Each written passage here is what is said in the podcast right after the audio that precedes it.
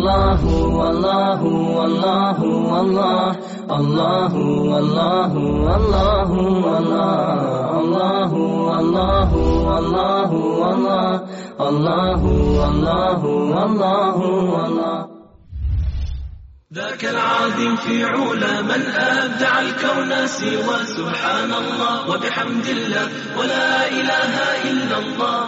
ذاك العظيم في علا من أبدع الكون سوى سبحان الله وبحمد الله.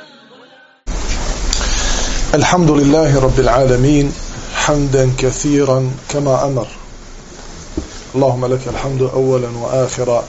ولك الحمد كما ينبغي لجلال وجهك ولعظيم سلطانك. اللهم لك الحمد عدد خلقك ورضا نفسك وزينة عرشك ومداد كلماتك. اللهم صل وسلم وبارك على سيدنا ونبينا محمد وعلى آله وصحبه وسلم تسليما كثيرا. أما بعد فإن أصدق الحديث كتاب الله وخير الهدي هدي محمد صلى الله عليه وسلم. وشر الأمور محدثاتها وكل محدثة بدعة وكل بدعة ضلالة ثم أما بعد. Od radijallahu anha se prenosi قالت قال النبي صلى الله عليه وسلم أقيلوا ذوي الهيئات عثراتهم. Ovaj hadis braćo moja je hasan. Hadis je čudnovate prirode koji sa sobom nosi veliku poruku. Gdje Allah poslanik alaihi salatu wasalam ovde e, nasavjetovao muslimane uopćeno svoj umet kako da se obhode prema njihovim predstavnicima prema onima koji su njihovi u osnovi uzori gdje je rekao alaihi salatu wasalam nemojte uzeti za zlo a? nemojte uzeti za zlo svojim uzorima ono što oni pogriješe u jednom rivajetu illa fi hududillah osim ako su u pitanju Allahove granice da dođe do toga da to dijelo koje on uradio da dođe pred kadiju a, da, da se kadija opozna sa tim pa da mu se mora presuditi tada ovaj hadis nije važeći. Šta ovaj hadis govori? Ovaj hadis govori o tome da se može svakom čovjeku kakav god da je on i o bilo kakvoj ličnosti da se radi da može doći do toga da pogriješi. Da može doći do toga da u datom momentu učini nešto što nije od adeta, od običaja da to on čini. Hejat u ovom kontekstu, kao što su spomenuli islamski učenjaci, znači ljudi koji u osnovi imaju značaja u svom narodu. I ovdje se striktno misli na onu korist koja kroz ovo dunjalučke koristi vode do ahiretske koristi. Kao što su to učenjaci, kao što su to ljudi koji su poznati da rešavaju među, međuljudske probleme.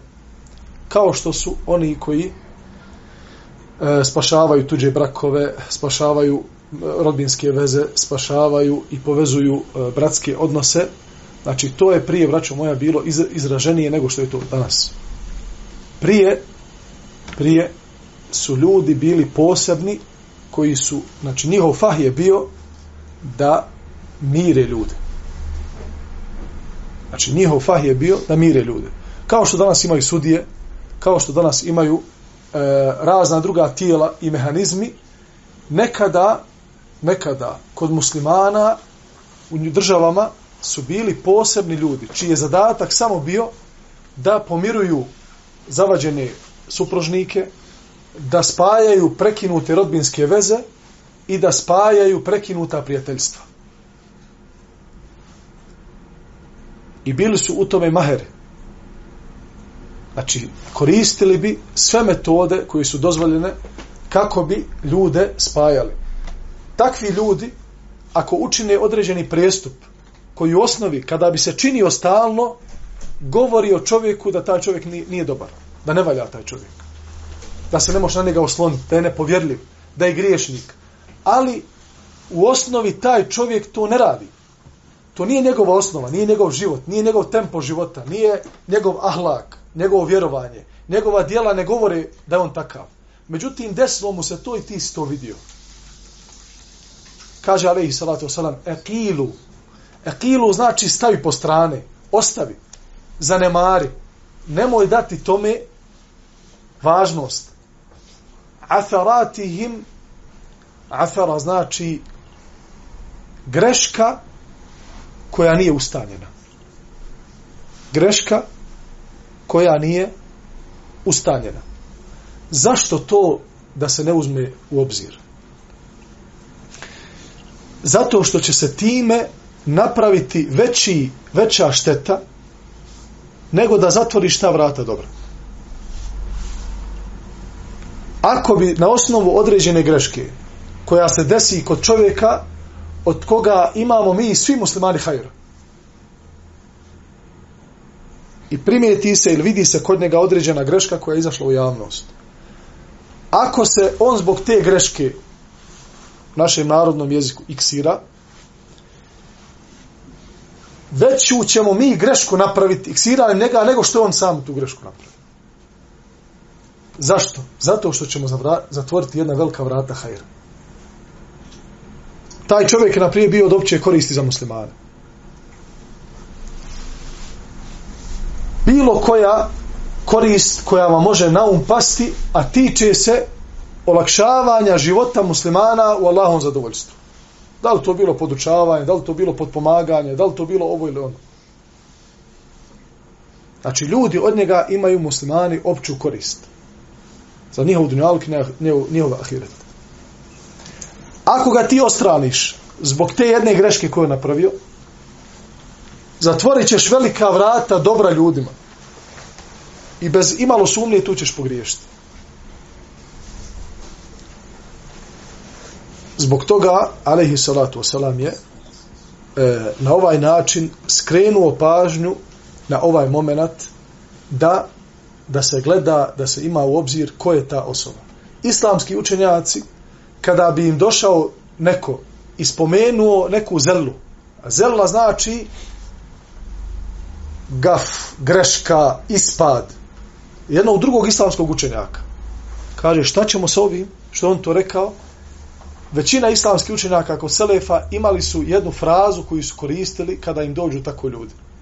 A ta fraza je hadis Allahu poslanika koju bi koristili metaforički da odbrane čast tog čovjeka koji je u datom momentu pogriješio, a u osnovi je velika ličnost za islam i za muslimane. Kaže, idha belega al ma'u kulletejni, fela, jeblega, fela jahmel il habeth. Kaže, kada bi im dolazili i tako se žalili na, na određene ličnosti od muslimana, od uleme, od ljudi koji su, koji su od ugleda, kaže, oni bi odgovarali sa hadisom kada voda dosegne dva kuleta, ne može se uprljati. To jeste, ako je taj čovjek o kome ti govoriš toliko velik, toliko je hajra napravio, godinama poznat po hajru, godinama poznat po salahu, po dobroti, po ibadetu, po Kur'anu, po dobrim dijelima, po ahlaku, niko nema na njega zamjerke, desilo se nešto, jedno. Ha? Ne može to jedno da uprlja sve ovo što je. Ne može. Nije pravedno. Ali danas Allahu musta'an prljave duše su došle do izražaja. I ne samo to, nego se i ne stide da tu svoju prljavštinu dijele sa drugima. Ajde što je čovjek prljav, nego ne stidi se da taj svoj, da tu svoju prljavštinu iznosi, iznosi na vidjelo. I onda ti se sa njim bori, prepisivajući se sa njim koji u pravu, koji nije, onda se na kraju bojiš da se i ti uprljat, pa ostaviš to sa strane i najbolje, najveći lijek za one koji su prljave, prljave duše i iznose o muslimanima razne laži, najbolje ih ostaviti. Ništa im ne komentarisati. To će ih vremenom ugasiti. Jer Allah subhanahu wa ta'ala neće dati beričeta u njihovom govorima. Neće dati beričeta u njihovim pisanjima. Hranit će se tek onda kada i mi budemo odgovarali na svaku njihovu prozivu. To će im biti hrana. Pustiš ga na miru. Pa kaže, brate, vidi šta je rekao. Ne kaže. I šta je koristilo onima koji su govorili onima koji su bili prije nas? Ništa nije koristilo. Pamtite li jednu lošu izreku o, nekog, o nekom alimu koja se prije govorila? Allah ne pamtimo. Samo pamtimo izreke naših uslamskih učenjaka. Ništa drugo ne pamtimo. Tako da takvima je najbolje ništa ne odgovarati i ne obraćati pažnju na njihove njihova pisanja. Od Ebu Sa'ida Al-Hudrija se prenosi da je rekao كان رسول الله صلى الله عليه وسلم أشد حياء من العاذراء في خدرها وكان إذا كره شيئا عرفناه في وجهه عليه الصلاة والسلام to je bio njegov ahlak to je bio njegov moral, njegovo srce, njegova duša, alaihi salatu wasalam, da je bio stidljiviji od djevice od djevice, znači kada sjedi u svojoj kući, a? kada sjedi u svojoj kući i sada dođe neko od gostiju. Kako se ponaša čedna djevojka? Sti, stidljivo se ponaša. Ne želi da da ona svoj glas podiže, da se ona čuje, da ona tu hoda, da. nego jednostavno stidna je i ne želi da na sebe, na sebe pažnju privlači. Naš poslanik, alaihi salatu selam je bio stidljiviji od djevice. Wa kana idha kariha shay'an. Ako mu se nešto ne bi sviđalo, nije bio brzoplet na jeziku da reaguje. Nego kažu kaže Ebu Sa'id al-Hudri, mi bi to prepoznali na njegovom licu. alaihi salatu wasalam. I to je od osobina vjernika, da ako nešto prezire, da često to što prezire ne proprati svom jeziku, svojim jezicima. Nego da jednostavno prešuti i ako želi to da da negira ili ako želi to da ispravi, da to učini na dostojanstven način. Ali u većini slučajeva, alihi salatu wasalam, kada nešto bi prezirao, u većini slučajeva ne bi to komentarisao, nego bi ashabi prepoznali po izrazu njegovog lica da mu to ne godi. I tako su to, tako su znali e, da li mu nešto godi ili ili ne.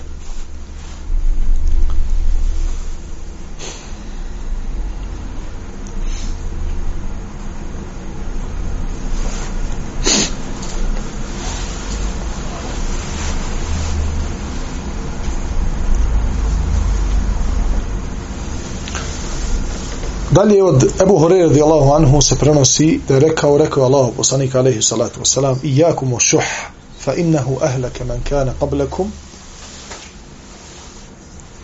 čuvajte se šuh ovdje se prenosi kao ne budite lakomi ومن يوق شح نفسه فأولئك هم المفلحون kaže Allah جل شانه onaj ko se sačuva sebičnosti svoje duše on će uspjeti.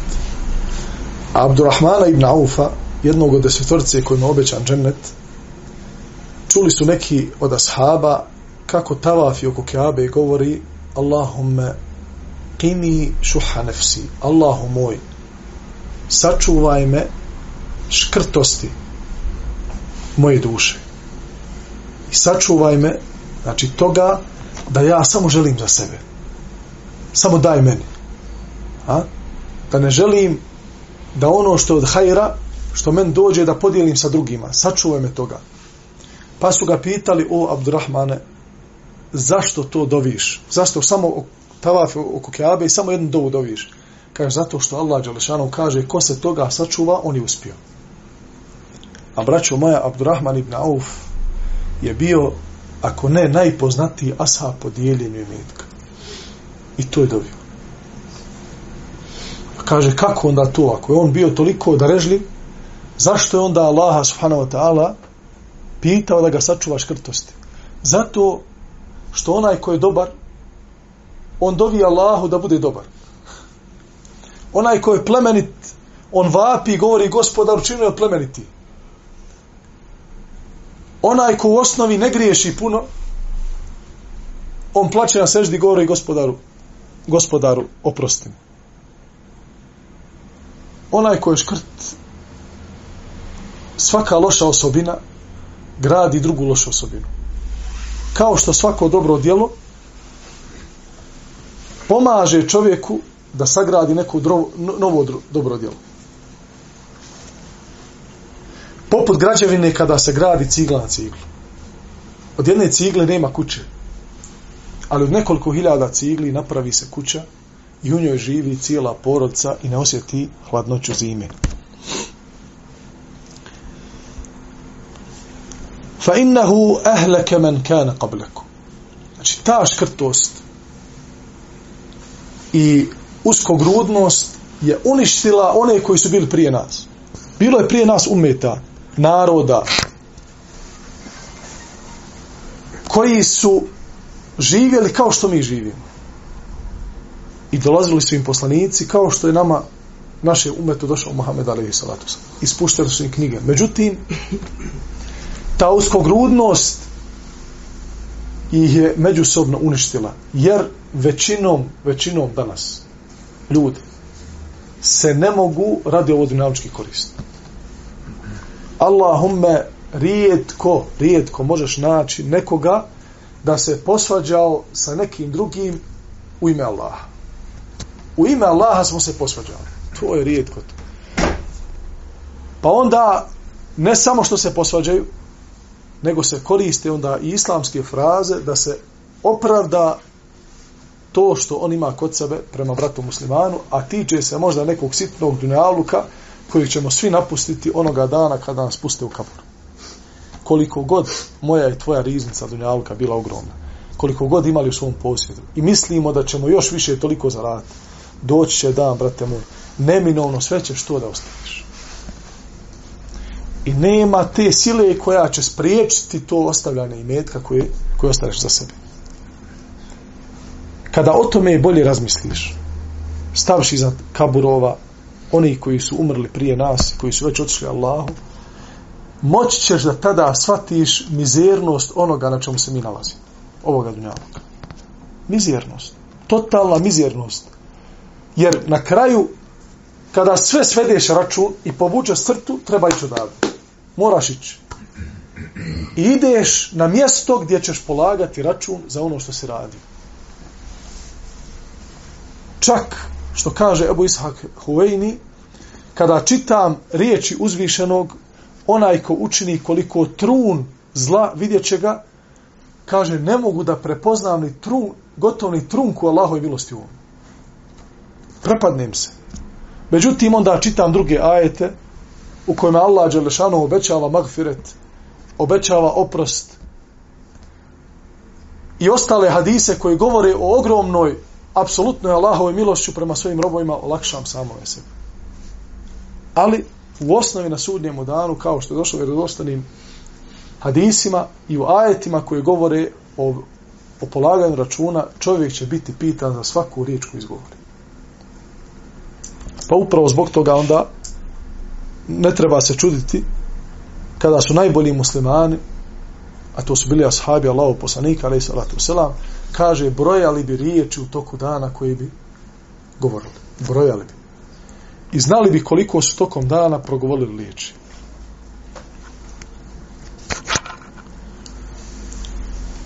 Pogledajte, kaže dalje u ovom hadisu od Ebu Horeire, kaže šta ta uskogrudnost i sebičnost i škrtost donosi. Kaže, ehleke men kane kablekum, to je upropastilo one koji su bili prije vas. I šta je bilo rezultat to što su škrtarili, to što su bili sebični? Kaže, sefeku dima'ahum.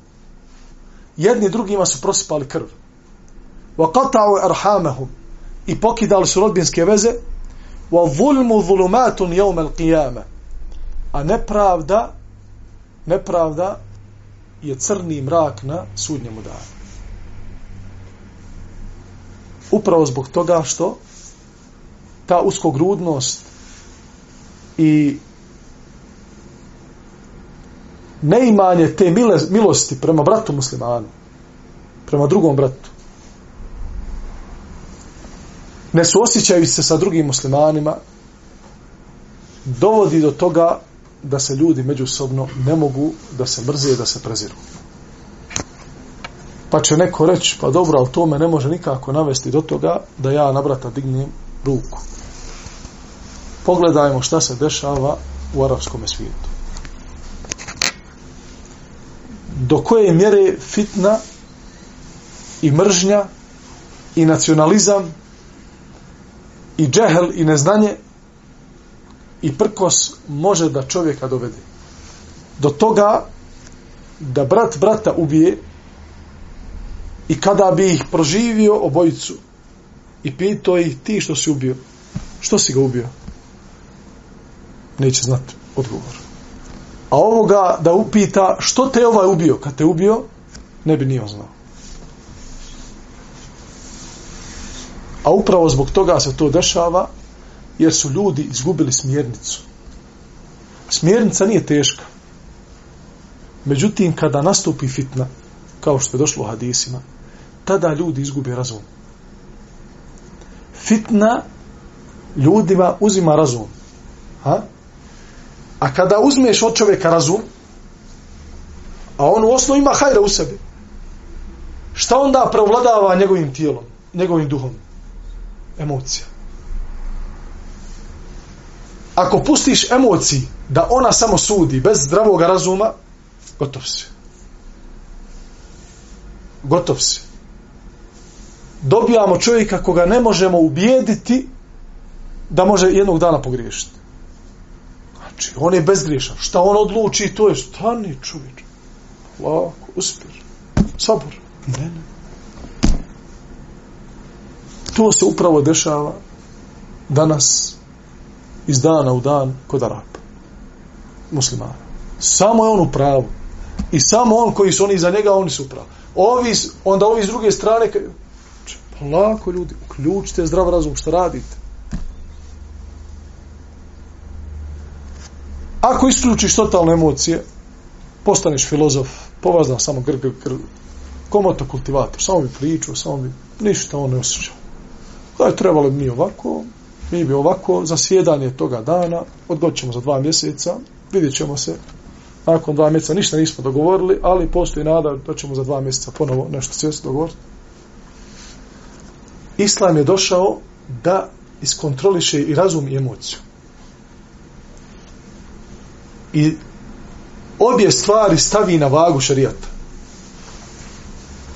Pa čak i ako si ubijeđen da si u pravu, sjedi, brate, i polako, sjedi polako, pusti emocije. Ali on je rekao ovo, on je rekao ono. Dobro, i šta sad? Šta ćeš riješiti time što ćeš večeras napraviti puku i galanje? Hoćeš li napraviti sa time? Šerijat Šarijat je došao, braćo moja, da riješi ljudima probleme.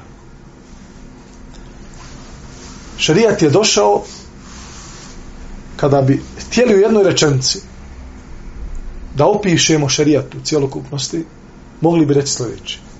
Da je šarijat došao da ljudima donese korist i da od njih odgna štetu.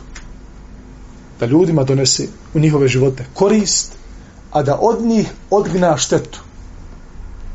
Pa ti kada ulaziš u jednu situaciju u kojoj želiš ti da djeluješ, svojim riječima, verbalno, svojom pomoću, ne znam, nija, svojim uključivanjem, svojim djelovanjem. Šta želiš, brate, time? Hoćeš da produbljaš problem? Ti si onda kontra šarijatu. Ako hoćeš da produbljaš postojići problem, ti nisi postupio po šarijatu. Jer je Allah Đelešano objavio objavu. I poslanik Ali Salatu Salam je obja, znači poslan da bi ljudima da bi ljudima znači bilo bila dobavljena korist, a od njih odnata šteta. Pa ako je tvoj postupak shodno šarijatu, on bi trebao taj postupak da ljudima donosi korist ili da od njih od, odna štetu. Ako je suprotno od toga, nisi postupio po šarijatu.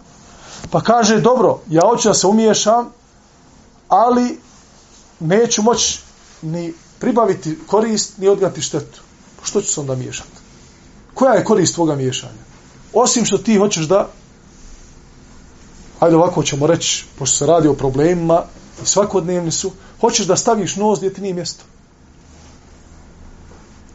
Znači, nije tvoje onda da se miješaš. Nije tvoje da se miješaš. Pa shodno tome islamski učenjaci su, kada je u pitanju naređivanja dobra i odvraćanja od zla, postavili određene parametre. Kaže, ako ćeš ti odvratiti od zla, odvraćati od zla, i smatraš da nećeš ništa tu promijeniti, kaže, nije ti obaveza da to radiš. A ako ćeš svojim ispravljanjem nekog, isprečavanjem nekog zla, smatraš da ćeš napraviti veći problem od toga, još veće zlo, onda ti je haram da se miješaš. Trebaš da pustiš. Kaže, kako ću? Pa pustiš. A ne mi napravio veći zlo. Čovjek je opsovao nešto na ulici. I ti znaš, grdosija veći, jači od tebe, nema on autoriteta. Ti znaš ako mu priđeš i upozoriš ga, pogotovo javno, ako ga upozoriš pred svima, da može da opsuje neku svetinu. Vola jadvo bila Boga ili nešto slično. U tom slučaju ne prilaziš i ne govoriš mu ništa. Jer ćeš zazvati još veći grijeh kod tog čovjeka.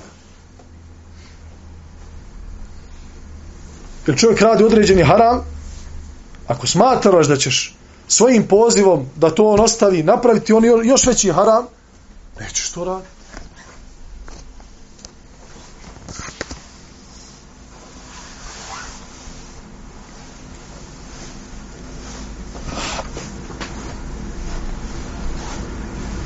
Sljedeća, sljedeće poglavlje govori o tome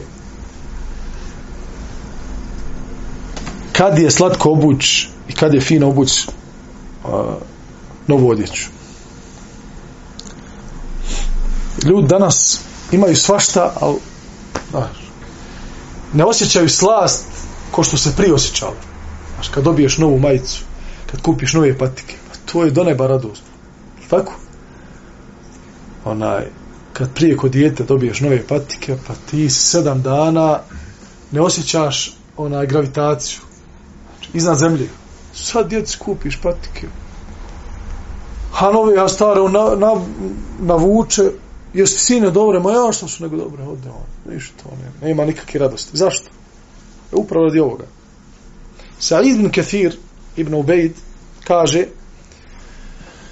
pričao mi je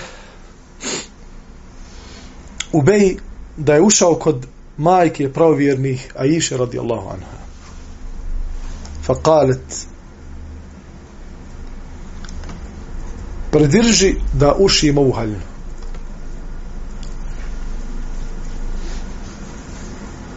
Pa kad je on vidio da ona ušiva, da krpi haljinu, koja je već stara, kaže, majko pravovjerni, kada bi ovo ljudi videli šta ti radiš, misli bi da škrtariš.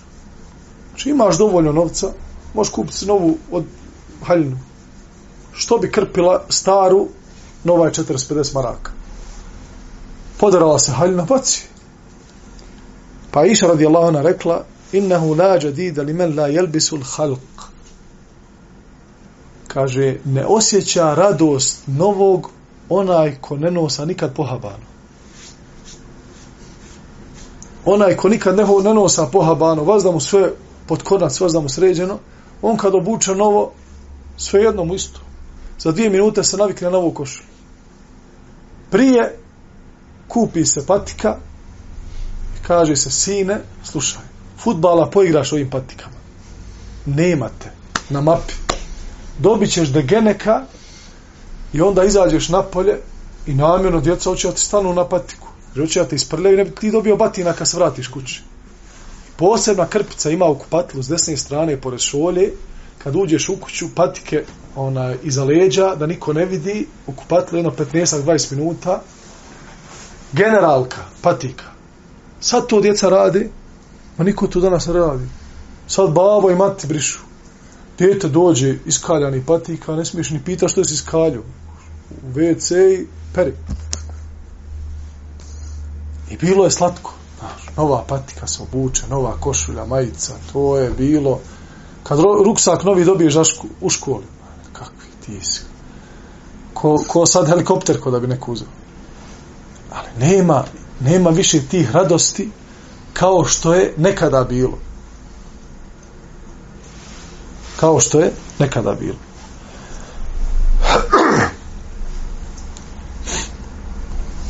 Imaju određeni hadisi koji se e, u nekim poglavljima ponavljaju, pa ćemo to preskakati, jer smo i već prije e, spominjali, tako da ne bi došlo do ponavljanja hadisa.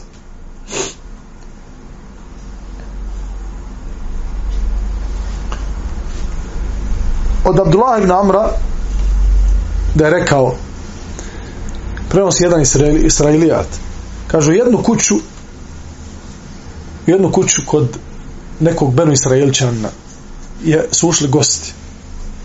A u kući je bila kuja. Onaj i bila je kako se kaže za, za kuju kad je skotna ja? Bila je skotna. I počela je da laje. I onda on kaže, nemoj lajati na naše goste.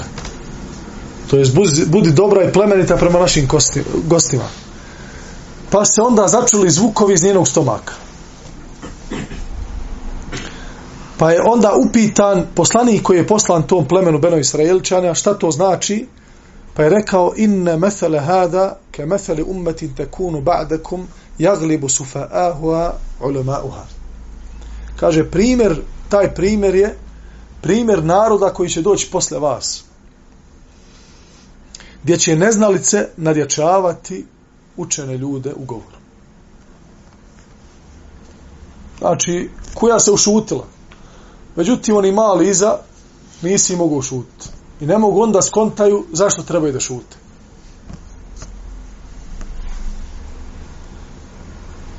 vidiš da u tvom društvu sjedi neko ko je stariji a? iskusniji u životu. I neko pruži neko pitanje neko je nešto pitao a ti mlad pun života u sebi pun nemoj žuriti sa odgovorom. Doći i tvojih inša Allah ta'ala pet minuta kada ćeš i ti moći da progovoriš i kad će se tvoja slušati I to je od, od edeba muslimana da primjećuju, znači da imaju osjećaja. Nije musliman samo sljedbeni haka i to je to. Znači ja sam sljedbeni haka i ništa. Istina, inša Allah, u mojim rukama, bismila. Ima je, brate moj, malo feelinga, osjećaj oko sebe. S kim si, s kim sjediš. Abdullah ibn Omer sjedi u društvu ashaba.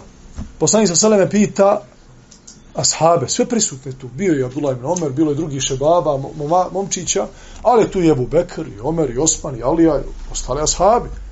Razlikuju se. Kaže Ali salatu selam prisutnima, ima jedno drvo nalike mu'minu, vjerniku. Koje je to drvo? Pitanje, kviz. Da ih poduči. Svi šute. Nije niko znao od ashaba. Uglavnom, Allaho poslanik im kasnije rekao kojem se drvetu radi. Kad je Omer radijallahu anhu sa svojim sinom, tadašnjim mladićem, Abdullah ibn Omerom, krenuo u kući, kaže, babo, šta je? Ja sam znao odmah koje je drvo. Odmah mi je palma naumpala. Kaže njemu Omer, pa što bola ne reče pa da se dičim tobo. Kaže, stid me bilo, kaže, jer sam vidio da u društvu ima učeniji stari ljudi od mene polako, brate, znaš istinu, znaš odgovor na pitanje, nemoj srljati. Pogledaš malo lijevo, pogledaš malo desno. ko je tu, malo feelinga, osjećaja i pusti ljudi. Ne moraš na sve živo odgovoriti. Pa kad vidiš da neko određenom pitanju šuti, ne odgovara u tom momentu, ili ne želi da da odgovor, a prepostavljaš da on zna odgovor na to pitanje, šuti ti. Pa kaže, ne znam mudrost toga š, onaj, tog šut, te šutnje. Pa ne moraš da znaš da to u momentu mudrost te šutnje. Nije vađib.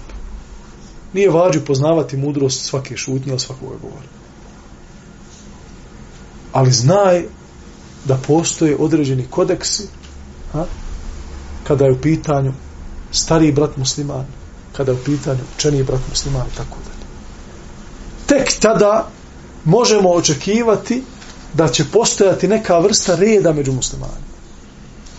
Sve dok se ne bude znalo kad kuja zajevija, a kad oni mali sačuju iza, neće biti hajra, jer neće ljudi zna da prepoznaju zvuk od zvuka.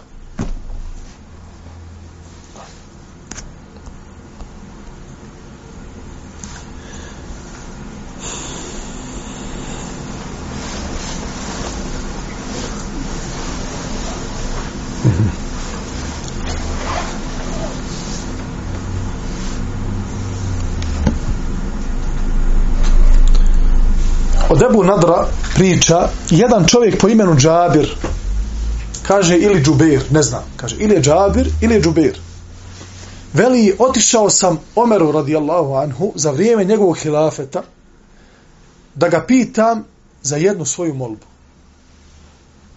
Kad je Omer bio halifa otišao ovaj Džabir ili Džubir se zvao da ga nešto upita. Kaže pošto sam u Medinu došao kasno u noć kod Omera sam otišao tek sljedećeg jutra. Važno je pitanje. Ha? Pitanje je vjersko. Međutim, kasno čovjek došao. U dva ujutru pitanje vjersko. Assalamu alaikum, je li mi dozvoljeno i sad nešto pitao. To i to. Allah te nagradi. Riješio sam nas veliki muka. Kontam da sam u tunelu svo vrijeme.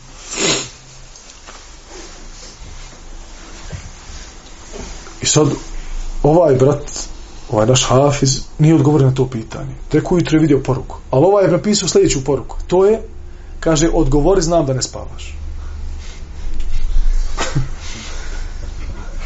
Znači, napisao mu pitanje u dva ujutro. I onda je sačekao pet minuta, iz, znači, živci mu provrli, nije mogao da zaspi, i napisao mu drugu poruku ispod na viver i kaže, odgovori, znam da ne spavaš i očekuje onda, inša Allah, ta'ala, čestit odgovor. Ova ga je sigurno nalijepio, Allah najbolje zna. I to mi ova lično priča, znači, kome se to desi. Znači, nije otišao kod Omera i kaže, Omere, Ahiret je u pitanju, Allahu ekber, ti si halifa, budi se, hajmo. Ne, ne, došao su Medinu kasno, vrate moj, pusti ljude, nek spavaju. Ma svako svoj hak, svoju privatnost, došao su na tuđa vrata. Sve mimo, sve od tih vrata, Pa na ovamo i privatno vlasništvo, brate. Ne možeš ti ući tu ko kauboj. Kaj, svi smo mi Allahovi, alhamdulillah. Znaš, ja musliman, ti musliman. Ne možeš tako, brate. Ma nešto što se zove hormet. Hormet znači, znači to ti je zabranjeno. Imaju ograde. Svaki, kaže Allah poslanik, svaki pastir ima svoju ogradu. Kaže, ovo je moja njiva.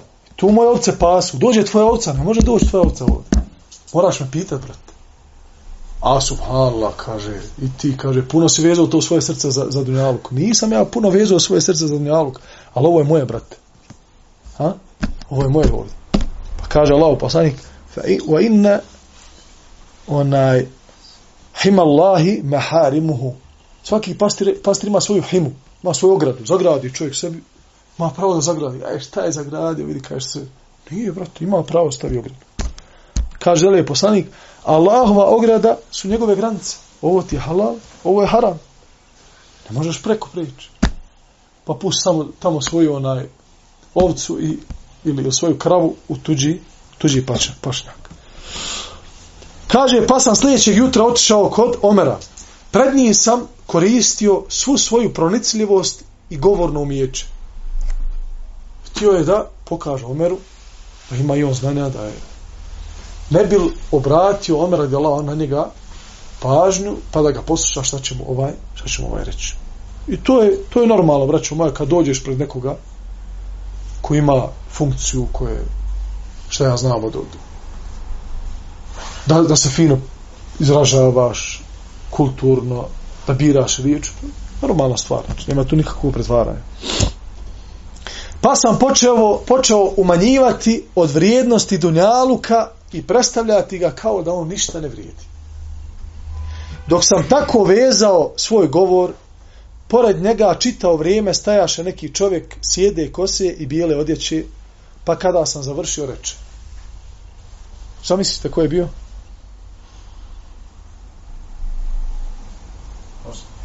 Hm? Osman. Osman.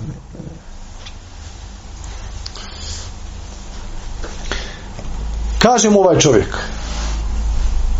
sve što si rekao ima smisla, osim onog za dunjalog. Ovde možemo da iskoristimo i da izvučemo jednu finu pouku. On tog čovjeka ne zna. Sjeda brada, znači radi se o starijem čovjeku, starijem ashabu, bijela odjeća, znak pobožnosti, znak iluma i tako da kaže sve ono što si rekao maša Allah hajir. ali ima nešto. 45 minuta ders i on sluša. Sad 45 minuta desio se neki gramatički lapsus nekom daji. A? ili pogriješio nešto.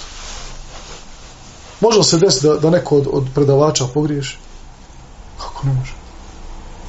Samo Allahov govor pogriješe. Ovo, ovi naši govori, od svakoga se uzima i ostavlja. Napiše ti poruku ili te nazove, kaže, brate moj, halali, ali slušao sam tvoje predavanje, kaže, pogriješio se. Pa dobro, u ti 45 minuta, ili bilo kako hajra? Makar jedan ajet bio. Kaže, jes, spomeni, brate, da je bilo hajr. Spomeni, lakše ćeš ući. Ovako se kuca kad se ulazi u tuđu kuću. Ako budeš punom šakom udaro, prepašćeš ljuda, otvorit će ti vrata, ali neće da uđeš. Znači, polako, berifk. Kaže, sve što si rekao ima smisla. Osim ovo, sa Dunjalukom. Da li ti uopšte znaš šta je Dunjaluk? Na njemu su naše zalihe za ahiret. Pogledajte kako učena osoba razumije dunjaluk. Čovjek koji je abid, koji je vezao svoje srce za ahiret, za Allah, ali nema puno znanja. A kakav dunjaluk nema? Pa brate moj, zar možeš ahiret zaraditi osim preko dunjaluka? Ti Firdeus, Firdeus al-A'la, koji je na ahiretu, možeš da zaradiš, inša Allah. Ali tek možda ga zaradiš na dunjaluku upravo preko ovog prljavog prolaznog dunjaluka možeš da zaradiš Firdeus al-A'la. Iskoristi to. Iskoristi njegovu prolaznost, ništavnost, da iskoristiš to sve u hajr i da zaradiš Allahove džene. I tako je nastavio pričati o dunjaluku i vidio da ga poznaje bolje od mene.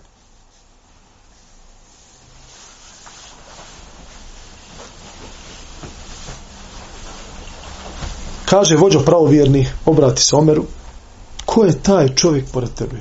Ko je ovaj? A Omer radi Allahonu kaže, ovo je prvak među muslimanima, ovo je, braćo moja, ashab koji ima nagradu, a, koji ima nagradu svakog muslimana koji uči Kur'an. Znate koliko ima hafiza u istoriji Islama? znači u ovih 1600 godina. To su milijarde, bilione, hafiza Kur'ana. Znači sada, trenutno na svijetu, imamo preko miliona hafiza. Ono što se zna, što knjiže. Ma ljudi, hafiz, neću da kažu da je hafiz. A ono što ima, što, što je preko miliona. Svake godine u Bosni i Hercegovini oko 300 ljudi položi hifz. U Bosni sam. Nas je 2 miliona ovdje muslimana. U umetu ima koliko hoćete, pa, znači bilioni hafiza. A oni koji znaju pola Kur'ana, pet džuzeva, koji zna dva džuza, i onda uči hatme, njih je, to su braćo cifre, to se ne može. Ovaj ashab ima nagradu za moj tvoj harf koji mi prouči.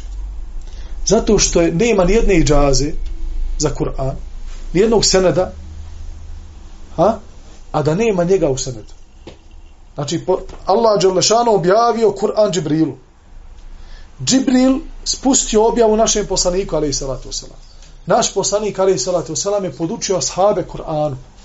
Sve ashabe učio, međutim, postoji opet nekoliko njih koji su bili bliski i koji su imali umijeća u, u Kur'anu, pa ih je poslanik dodatno učio kirajetima, učio ih teđvid, učio ih pravilima učenja Kur'ana i onda su oni, znači ti, ti njih nekoliko, proširili znanje u Kur'anu u Kerimu cije, kroz cijeli umet. I tako iz generacije u generaciju. Ubej ibn Ka'ab, radijallahu anhu.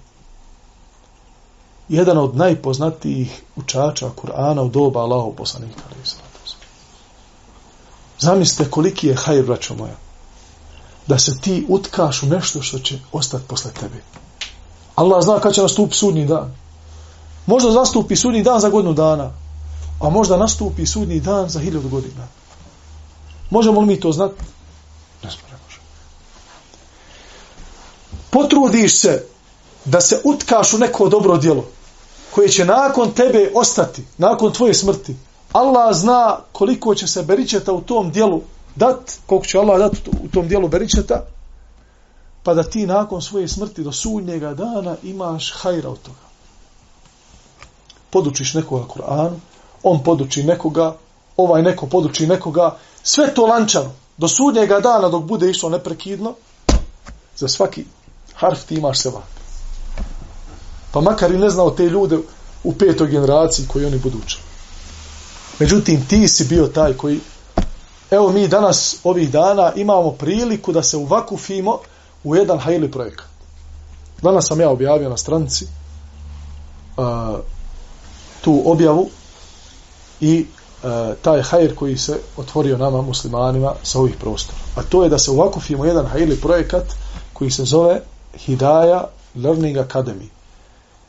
To je projekat uh, koji se nosi na, na, na plećima ljudi od hajra kod nas ovde za kojom je cilj inša Allah ta'ala da olakša muslimanima koji nemaju prilike da ovako sjede na dersovima i nemaju prilike da odu u džamiju kod Efendije ili kod nekoga drugog hafiza, muhafiza, da uče Kur'an, nego žive u drugim prilikama života, daleko od džamija, daleko od halki, halki predavanja i, i, i, i Kur'ana, da li to bilo na zapad, da li to bilo u zabačenim mjestima, selima ovde u Bosni i Hercegovini, Sanđaku ili, ili šire, uglavnom taj projekat već živi, alhamdulillah, međutim, za svako napređivanje nekog projekta i da kažemo širenje e, širenje njegovog djelovanja trebaju određena finansijska sredstva.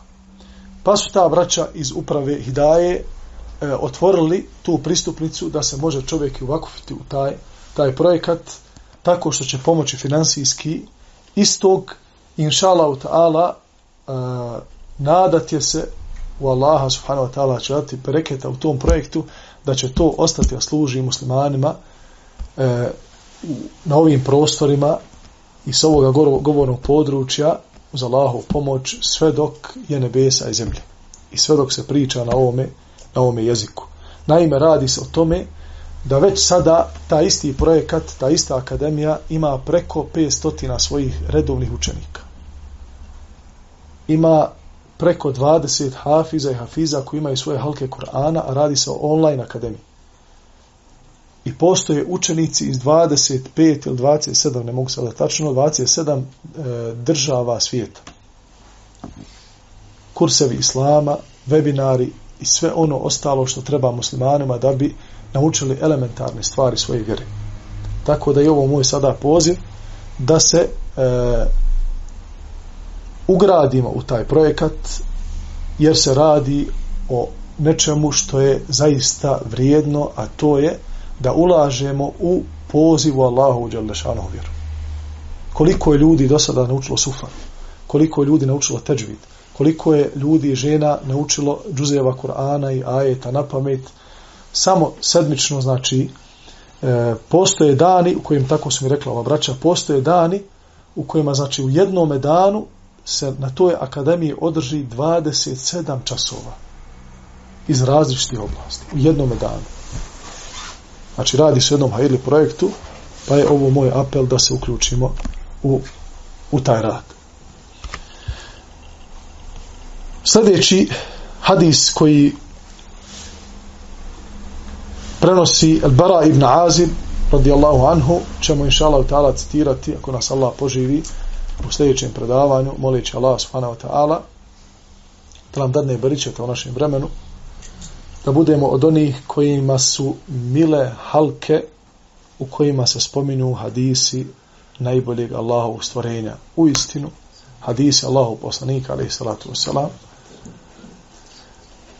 su berčetli i oni su u istinu vrata hajra koji se otvaraju, jer ne zna čovjek kada će čuti neki hadis koji će mu otvoriti vrata hajra koja se neće zatvoriti sve dok ne preseli.